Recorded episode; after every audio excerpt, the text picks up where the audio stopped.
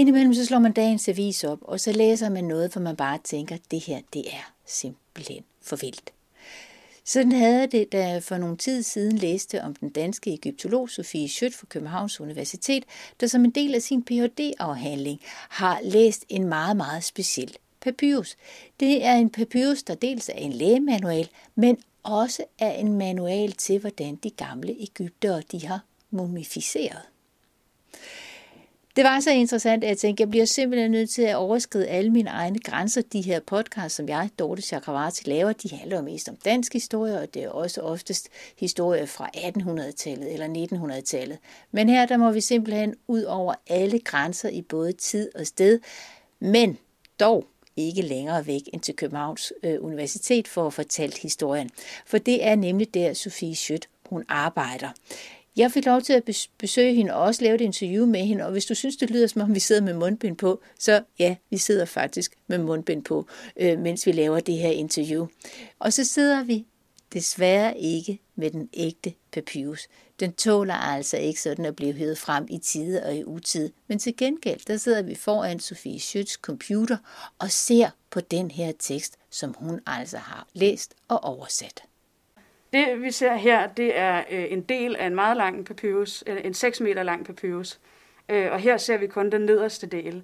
Øh, og det er fordi, at og det, det, har primært, at det har nok været tilbage i antikken, så øh, har den her papyrus været rullet sammen, øh, opbevaret i formentlig en krukke, det plejede man at gøre. Øh, og, øh, og så er den knækket over på midten, så vi mangler simpelthen hele det midterste stykke af hele den her lange papyrus.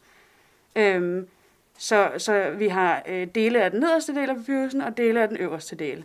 Øhm, og så er den yderligere, øh, hvad skal man sige, brudt op på den måde, at øh, i øh, moderne tid, og det har nok været tilbage i 50'erne, fra hvad vi ved i hvert fald i forhold til købshistorie og sådan noget, der øh, blev papyrusen så yderligere delt op øh, i stykker af cirka 1 meter. Det er, en, det er en 6 meter lang papyrus. Den er mega lang og meget uhåndterlig, eller sådan uhåndterbar, kan man sige.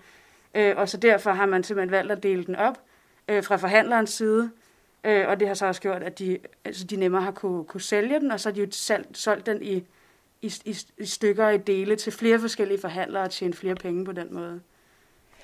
Det er en vild historie med den, den her papyrus, som jeg nu, eller vi sidder med, det er så flot sagt, fordi den er jo på din computerskærm. Det her, det er kun et billede af den, og det her, det er så ligefrem kun et billede af den nederste del.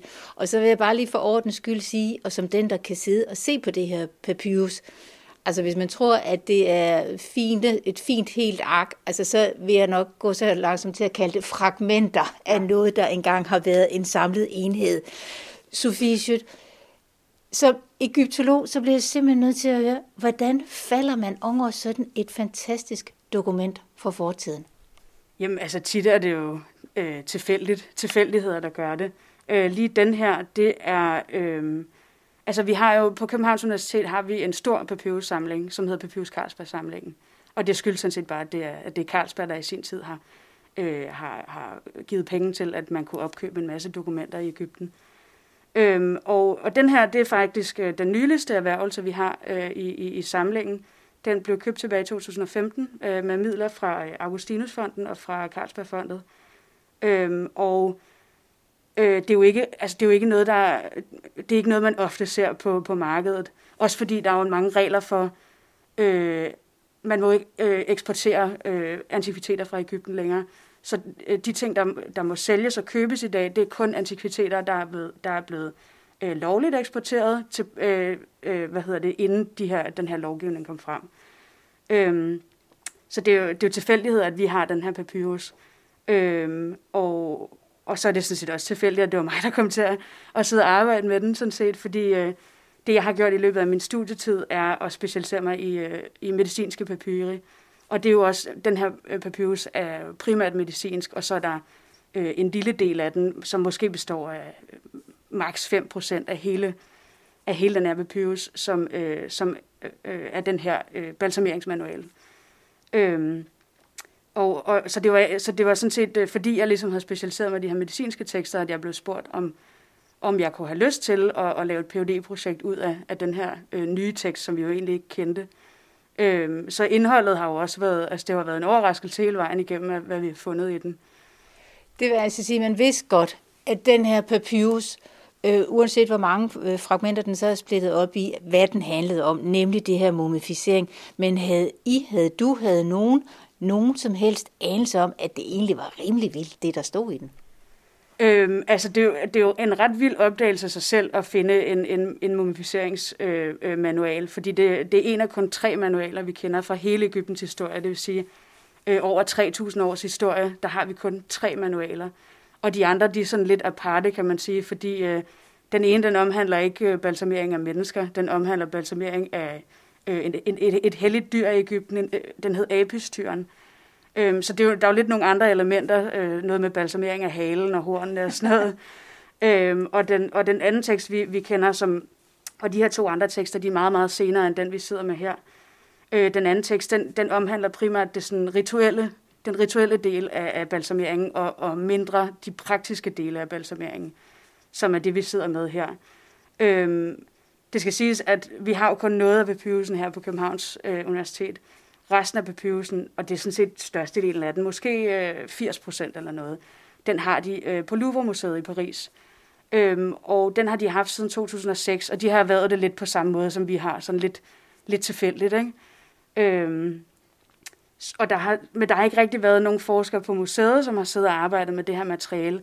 Men der har været sådan en, en øh, hvad siger man, sådan en freelance forsker, der har, der har siddet øh, med nogle, godt nok nogle gamle pixelerede billeder af, af den her papyrus, og så sidder og, og, og arbejder sig igennem noget af det her materiale. Så vi, så vi vidste godt, at der var en, øh, en, en, en balsameringsmanual.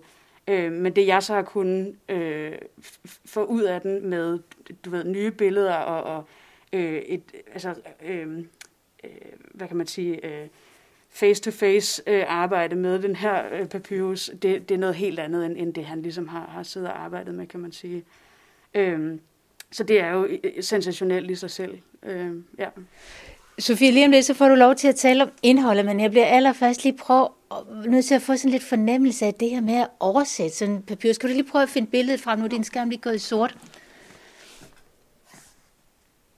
Ja, så vi kan lige prøve at zoome ind på, på et af de her billeder. Måske et af dem, der er lidt bedre bevaret. Hov. Så du kan se, hvordan, øh, hvordan det ser ud her. Øh, så det er, øh, det er skrevet på et, øh, et sprog, som vi kalder for øh, middelegyptisk. Øh, og det er jo sådan set bare fordi, vi har øh, en meget lang historie i Ægypten, hvor sproget det ændrer sig jo selvfølgelig hen over tid. Det ved vi jo også med det danske sprog, hvis man sidder og læser et eller andet fra 1800-tallet, så har sproget ændret sig betydeligt. Ikke? Og det gør det jo selvfølgelig også i Ægypten. Øhm, så vi har sådan forskellige faser af sprog, som vi kalder for oldegyptisk, middelegyptisk og nyegyptisk, øh, som måske kan være lidt forvirrende, for, når man lige starter i det. Øh, men hvor man kan se, at, at, at mange, af de, at mange øh, ord ligesom bliver, øh, altså, bliver brugt igennem hele den her periode, og øh, øh, meget af grammatikken, det, det forbliver egentlig også det samme. Øh, så det jeg sidder og gør, øh, ja, så som sagt, det, det er skrevet på et sprog, der hedder middelegyptisk, og så er det øh, en, en skriftform, som hedder hieratisk, som er sådan en, ja, jeg ved ikke, om du kan se det, men det er sådan en kursiv form for hieroglyffer. Altså det her, det er jo ikke det, man kender fra templer og, og store Nej, monumentale øh, stenstrukturer. Så det, det man primært har, har, altså man har jo kun primært brugt øh, hieroglyffer til, til de her store monumentale øh, bygningsværker. Hieratisk har man brugt til ja, mere eller mindre alt andet, øh, for det er meget hurtigt at skrive. Øhm, men vi har sådan en konvention med, fordi inden for egyptologien, når man lærer øh, sprog, så øh, starter man med at lære hieroglyffer, fordi det ligesom er Øh, ja, altså det, det er lidt nemmere at læse, kan man sige, fordi det er standardiseret i forhold til tegnene og sådan noget. Øh, så så det, jeg plejer, det, man plejer at gøre, når man sidder med sådan et dokument her, det er, at man øh, transkriberer det først, så man, man øh, skriver de, det kan jeg også lige prøve at vise dig, man skriver de, øh, hvad hedder det, hieroglyffer ud, som tegnene står for. Så vi har sådan et program her på computeren, hvor man kan, hvor man kan sidde og skrive de her tegn ud, øh, hvis den gider åbne den gang. Og det man så gør derfra, det er, at man laver en, øh, en transliteration. Øh, det vil sige, at man laver, man skriver øh, sådan en, en fonetisk, øh, hvad hedder det, øh, transliteration ud, hvor man ligesom angiver, hvad det er for nogle lydværdier, de forskellige tegn har. Øh, så kan du se her for eksempel, så laver wow. man sådan et program her. Det er simpelthen programmet, der har været tekst. Nej, der er rigtig hieroglyffer. Ja. Og jeg er ked af at sige, at det er jo rent Tintin det her. Det er jo små aber og sole og strusser, eller hvad det nu end er. Det er jo fantastisk. ja, så det, så det er bare sådan et led i processen, ikke? Øhm, øh, ja, så det, så det er vores øh, transkription, så har vi vores transliteration, altså den, den her fonetiske lyd, ja. lydværdi, og derfra så laver man så en oversættelse. Så der er sådan mange trin i, i, i processen.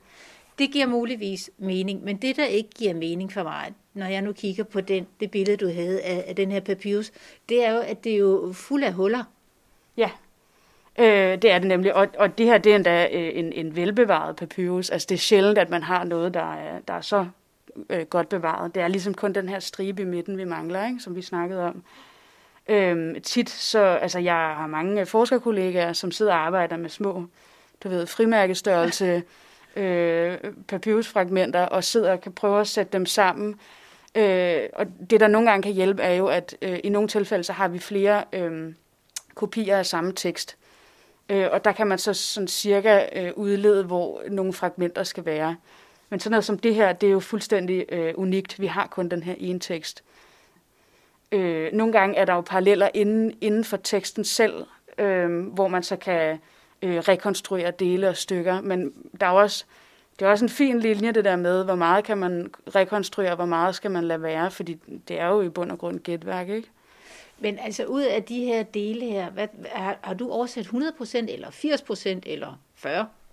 Øh, jeg har nok oversat øh, omkring 90%. Øh, og det, øh, det, jeg så sidder og arbejder med nu, nu er at få oversat det sidste, og, øh, så, så vi kan få publiceret det her. Det er jo fedt øh, at kunne få det ud til folk. Øh, og det skal være alle slags folk. Det skal ikke kun være egyptologer, der er specialiseret i, i, i, øh, i, i filologi og øh, øh, etymologi og alt sådan noget. Det skal, det skal gerne være tilgængeligt for alle.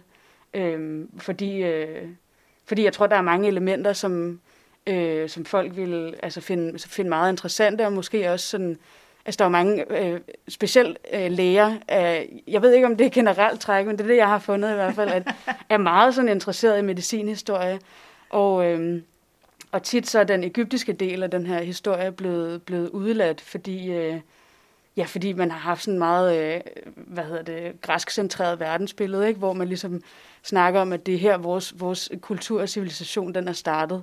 Øhm, men det passer sådan set ikke rigtigt, fordi jeg, meget af det materiale, jeg har siddet og kigget på, der har jeg fundet øh, øh, behandlinger i de egyptiske tekster, som jeg kan se går igen i de græske tekster og de romerske tekster, øh, og så bliver de ført over til, altså hvor de bliver brugt i, øh, i Mellemøsten i løbet af middelalderen, og det er jo så derfra, vi så igen ligesom øh, generhverver dem i, i, i Europa, og så kan man finde, finde nogle af de her øh, behandlinger helt op i, øh, i sådan præmoderne øh, hvad hedder det, folkemedicin i, i Europa i 1700-1800-tallet.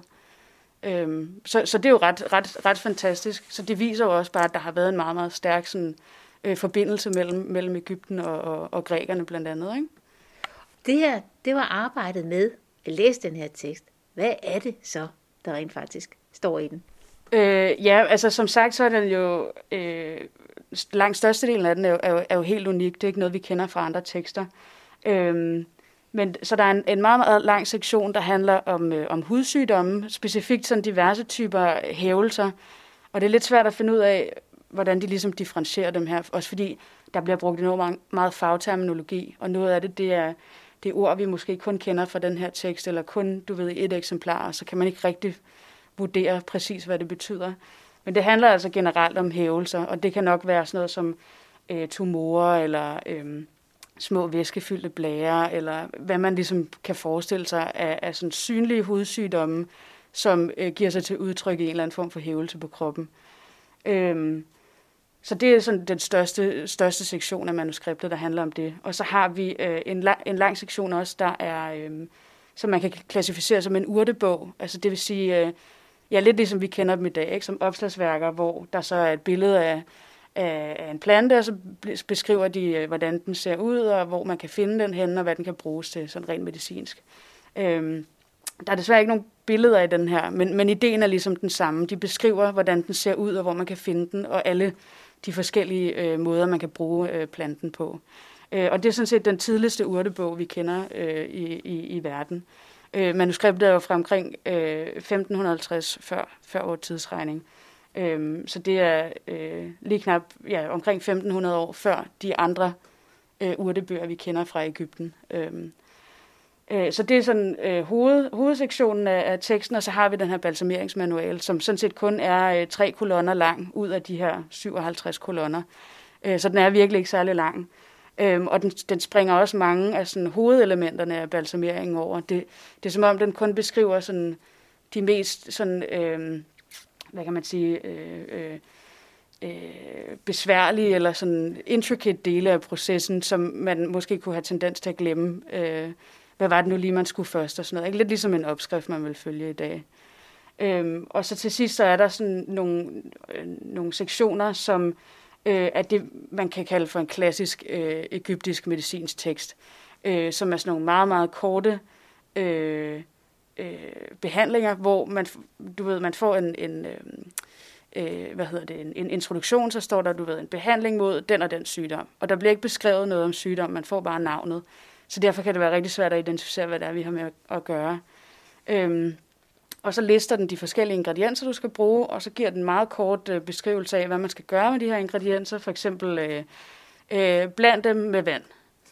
Øh, og så til sidst så får du at vide, hvordan du ligesom skal, øh, skal hvad hedder det, give den her, øh, det her medicament til, til patienten, og det er så det. Er så det. Øh, så der er sådan meget u- mange ukendte faktorer i, i, i den form for, øh, for beskrivelser. Øh, blandt andet også noget med, altså så får man alle de her ingredienser listet op, men vi ved ikke rigtig noget om altså blandingsforhold, og altså det er ikke noget, der rigtig bliver beskrevet. Så man må forvente, at de mennesker, der har læst de her tekster, har haft en enorm baggrundsviden, øh, og at øh, altså indlæring af den her form for øh, altså, øh, viden har foregået primært øh, altså praktisk øh, og med en mundtlig overlevering, hvor de her skriftlige levn så bare udgør en meget lille del af deres medicinvidenskab. Noget af det, der ud af den her papyrus og ud af dit arbejde har givet overskrifter, ikke bare i Danmark, men også i resten af verden, i forbindelse med det her, det har jo netop været den del, der har handlet om mumificering. Og nu sagde du, at det var, altså det var ikke sådan den komplette manual, vi sad med her, men det var ligesom sådan nogle lidt mere besværlige dele af det. Hvad er det for nogle besværlige dele? Kan du prøve at gå lidt i dybden med det? Øh, ja, jeg kan lige prøve at se, om jeg kan vise dig her, fordi det her det er faktisk en sektion fra, øh, fra vores balsameringsmanual her. Ja. Øhm, så det du kan se her, det, det kan du også, du kan se forskellen på denne her kolonne og den her kolonne. Ikke? Ja. Så her der har vi nogle lange, fine linjer, øh, og her der er de ligesom delt op i sådan tre mindre kolonner ja, ja. inden for selve kolonnen.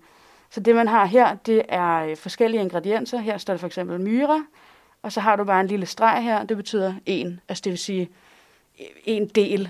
Øh, det er nok ikke, du ved, en deciliter eller et eller andet, men det er en del Øh, og og de, alle de andre ingredienser kan du også se her, der står også en bag, bagefter dem. Så det vil sige, der skal øh, lige mange dele af hver ingrediens. Men vi ved ikke præcis, hvor mange dele det, det, det handler om. Men der skal i hvert fald lige mange.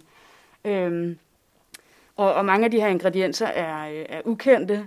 Øhm, men mange af dem, dem, dem kender vi også. Så for eksempel har vi, øh, hvad hedder det, Senecha her, som øh, øh, refererer til, øh, til øh, incense på dansk. Øh, hvad hedder det? Incense øh, røgelse.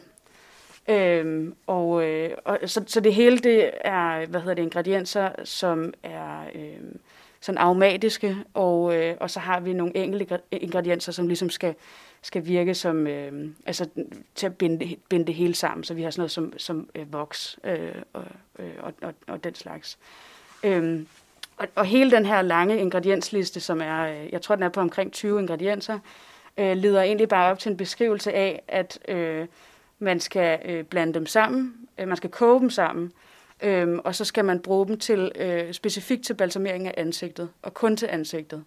Øh, så, og den måde, man har gjort det på, det er, at man har taget øh, et stykke klæde, cirka på øh, størrelse med ansigtet, øh, og det her klæde skulle være rødt, så det har haft en eller anden symbolsk værdi, Man ved ikke præcis, hvad, hvad det er for en symbolsk øh, øh betydning, det her røde farve har haft.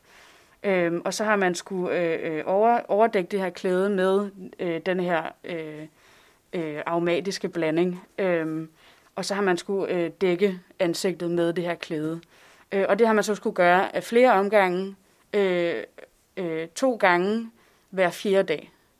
Øh, og det er cirka, ja nu sagde jeg før, at den her, øh, at den her øh, sektion, den her balsameringsmanual, den er cirka tre kolonner lang. Det er cirka en kolonne, der, der handler om, hvordan man balsamerer ansigtet. Øhm, og det har jo noget at gøre med, at øh, der er så mange ingredienser at holde styr på, sandsynligvis. Og øh, det her med, at øh, man ligesom har skulle gøre det i, i, i bestemte øh, intervaller, så, måske, øh, så man måske lige skulle holde tungen lige i munden, når man, når man ligesom foretog sig det her. Øhm, og nogle af de øh, andre beskrivelser, vi får i, øh, i manualen, øh, omhandler, øh, des, desværre er den ret ødelagt dele af det, det kan du også ja, se her. Se, ja. øhm, den her del omhandler, øh, øh, hvordan man skal hvad hedder det, indbinde øh, den afdøde. Og det ser ud til at omhandle indbindingen af benene og af fødderne og tæerne, fordi vi har en reference til tæerne her. Ah. Øh, men det er ret uklart præcis, hvad der er, der foregår, fordi der er nogle, der er nogle ting, der er nogle ord, der, der er ødelagt. Øh, Øh, og det er sådan noget med, at den refererer til specifikke typer klæder øh, og et specifikt antal af de her klæder, der skal bruges til indbinding af netop den her kropsdel. Øh, så man kunne forestille sig, at den her sektion har været længere end det, vi har bevaret, og at, øh, at, det har, at der har været nogle meget sådan, øh, specif- hvad hedder det, nogle meget sådan, øh, øh, uddybende beskrivelser af, hvordan man har skulle foretage den her indbinding. Også fordi, at det nok har været, det nok heller ikke har været sådan noget, man lige har husket øh, fra, fra en gang til en anden. Øh, så det er ligesom sådan en, en, et, øh, altså et hjælpemiddel, man har brugt øh, for at huske alle de processer, man skulle igennem, når man, når man balsamerede. Sofie du sagde, at den her papyrus, den er fra 550 før vores øh, tidsregning. Øh, og det her, det handler jo så, som vi har talt om netop, om mumificering. Det er en del af en større øh, lægebog, lægemanual. Den her bog, altså hvad er det for et Ægypten, den ligesom er skrevet i? Hvad er det for et samfund, vi har med at gøre? Øh, ja, altså, så den periode her, det er det, vi kalder for det nye rige. Øh, det kan være, der er nogen, der kan nikke en lille smule genkendende til det. Øh, men øh, jeg er sikker på, at, der, at folk vil kunne øh, genkende nogle af de øh, konger og dronninger, som har, har været, øh, hvad hedder det, som regeret i den her periode. Øh, det handler blandt andet om Tutankhamon, øh, den her meget kendte drengekonge, som øh, øh, øh, øh, som jo blev, blev begravet i pomp og pragt, som vi, som vi kender det. Øh, og så øh, drejer det sig om, øh, hvad hedder det, Tutmosis den 3., som var sådan en stor krigerkonge, som er kendt for at have, have hvad hedder det, øh, Øhm, øh, hvad hedder det, øh,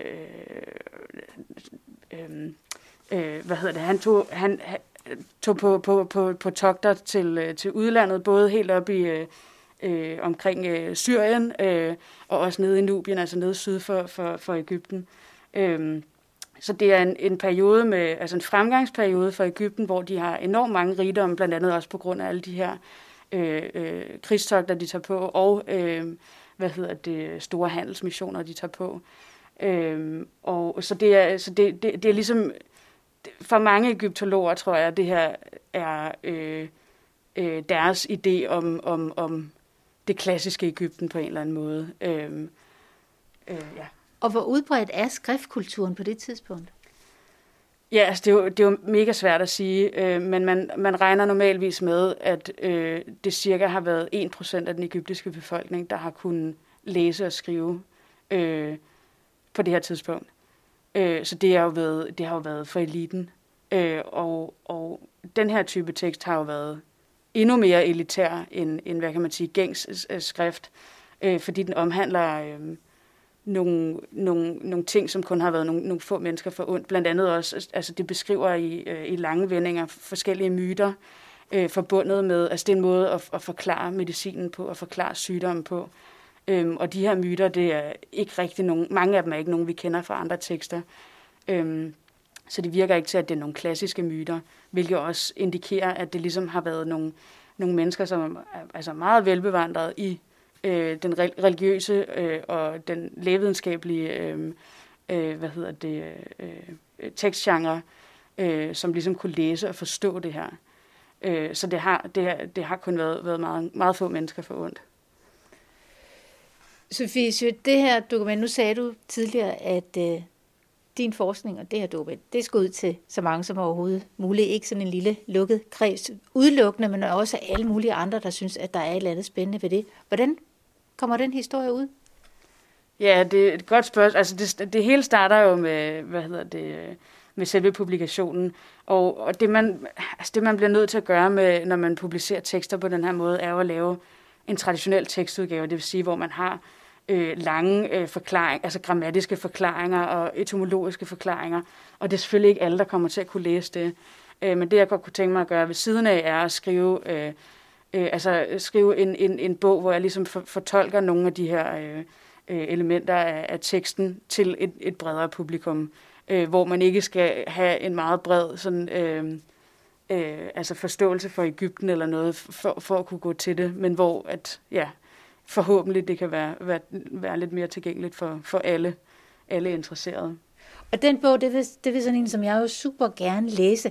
Men inden jeg forlader dig, Sofie, så du får tid til at få skrevet alt det her, du nu skal have skrevet, det er, der er jo et eller andet ved det her Ægypten og de gamle, altså sådan en papyrus der, og mumier og alt det her, som jo er super fascinerende, også selv for folk, som egentlig ikke er specielt historisk interesseret. Du kan ikke svare på alle mulige andres vegne, men jeg kunne i hvert fald spørge dig, hvad er det, der er så fascinerende? Hvad er det, der trigger os? Jamen, ja, det er, det er sjovt. Altså, jeg, jeg kan jo simpelthen heller ikke huske, hvor min, øh, hvor min fascination af Ægypten det stammer fra, men jeg, jeg ved, at jeg har haft den lige så længe, altså lige så længe jeg kan huske. Øhm, det er jo nok noget med, altså det er jo, det er jo en, en kultur, som ligger så fjernt, og så alligevel så tæt på, ikke? Man kan, man kan gå ind på øh, Nationalmuseet eller på Glyptoteket, og så kigge nogle af de her mumier direkte i øjnene nærmest, ikke? Øh, og føle, at, at, at man virkelig er, altså, at på trods af de her mange tusind år, der er gået, så lever man, øh, altså, som mennesker altid har gjort. Øh, og, så, og så den her fascination af, at, at mennesker uden den teknologi, vi har i dag, de har kunne bygge sådan nogle altså, vanvittige monumenter, som, øh, som pyramiderne og alle de her templer, vi kender. Øh, Ja, så jeg tror, det er, jeg tror, det er en blanding af det der med det, det fremmede og så det velkendte på en eller anden måde. At man, at man kan spejle sig i dem på trods af, at der er gået øh, altså mange, mange, mange tusind, tusind år. Den fascinerende papyrus kan desværre ikke ses i virkeligheden. Og det var også derfor, at Sofie Schødt og jeg vi sad og kiggede på den på en computerskærm. Den findes naturligvis i virkeligheden, men der bliver passet rigtig, rigtig godt på den, fordi den er altså meget porøs og, tro, og tåler stort set ikke dagens lys. Øh, Sofie Schødt går i gang med at skrive alle sine mange artikler og bøger, og hun regner med, at der vil komme i nær fremtid, altså i løbet af et år, en artikel i det tidsskrift, der hedder Papyrus. Og øh, de skulle ifølge Sofie Schødt have en hjemmeside, så der kan man holde sig orienteret om det. Og ellers så er det sådan set bare at følge lidt med rundt omkring, hvor man kan i medierne, så skal der nok komme meget, meget mere om den her øh, mumificering og lægemanual. Det var Sofie Schødt, der er egyptolog og Ph.D. på Københavns Universitet, og du har lyttet til de her podcasts, som jeg laver. Jeg hedder Dorte Chakravarti.